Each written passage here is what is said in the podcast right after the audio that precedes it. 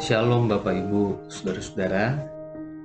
Firman Tuhan hari ini saya pilihkan dari Lukas 11 ayat 27 sampai 28. Ketika Yesus masih berbicara, berserulah seorang perempuan dari antara orang banyak dan berkata kepadanya, Berbahagialah ibu yang telah mengandung engkau dan susu yang telah menyusui engkau tetapi ia berkata, "Yang berbahagia ialah mereka yang mendengarkan firman Allah dan yang memeliharanya."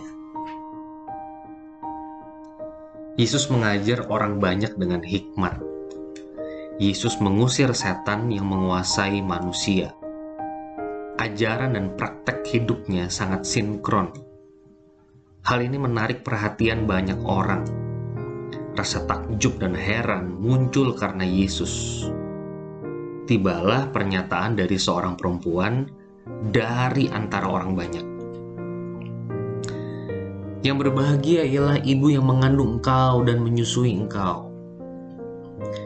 Saya bisa membayangkan kalau putri saya kelak jadi anak yang pandai, mewakili Indonesia, dan seterusnya. Maka saya dan istri pasti jadi orang tua yang berbahagia Nggak salah kan? Lah wong kami yang besarin anak kok. Anak kebanggaan papa mama. Tetapi Yesus berkata, yang berbahagia ialah mereka yang mendengar firman Allah dan yang memeliharanya. Saya jadi berpikir bahwa kebahagiaan itu ada levelnya.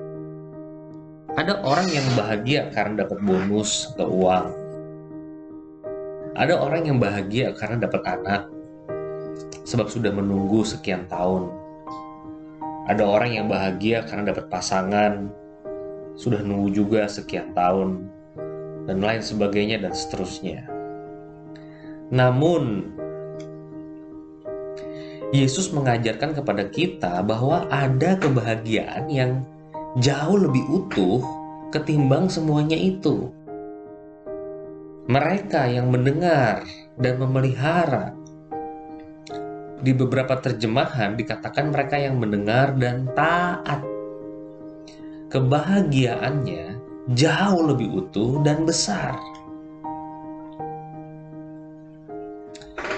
Saudara, ada dua hal yang saya mau simpulkan atau saya refleksikan yang pertama, Yesus memporak-porandakan nilai kebahagiaan kita. Saya tuh merenung sesudah Yesus mengucapkan kalimat ini kepada sang perempuan. Apakah sang perempuan itu marah karena Yesus kurang ajar? Atau malah makin kagum sama Yesus?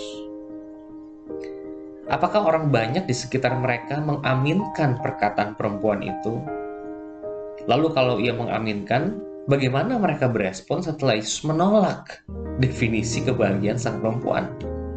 Wah, ini kan menarik nih.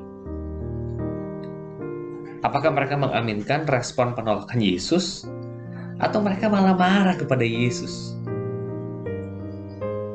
Sistem nilai, saudara-saudara, sistem nilai jawabannya.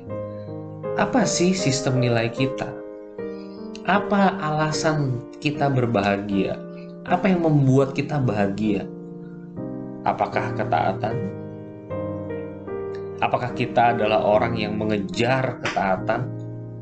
Atau ada sumber kebahagiaan lain yang tidak utuh, tapi kita berpaut kepadanya dan menjadikannya sebagai kebahagiaan ultima?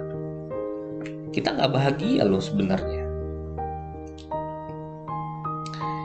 Yang kedua, refleksi saya adalah taat. Yesus ingin kita memikirkan ketaatan kita kepadanya. Apakah kita adalah orang yang memprioritaskan hidup sesuai firman, atau bagi kita itu omong kosong, bualan mimbar gereja? Saya percaya kebahagiaan sejati justru turun pada orang-orang yang melakukan firman, Mungkin ia tidak memiliki handphone flagship, mobil premium, belum punya anak, belum punya pasangan. Tapi kendati pun demikian, hidupnya dipenuhi dengan kedamaian. Sebab Allah saja sudah cukup baginya. Tuhan adalah gembalaku, takkan kekurangan aku. Tuhan ubahlah sistem nilai di dalam hidupku. Ampuni aku kalau aku menaruh kebahagiaan justru di hal-hal yang parsial. Condongkan hatiku kepadamu ya Tuhan, sehingga aku mengalami kebahagiaan yang paripurna. Di dalam nama Yesus, aku berdoa. Amin.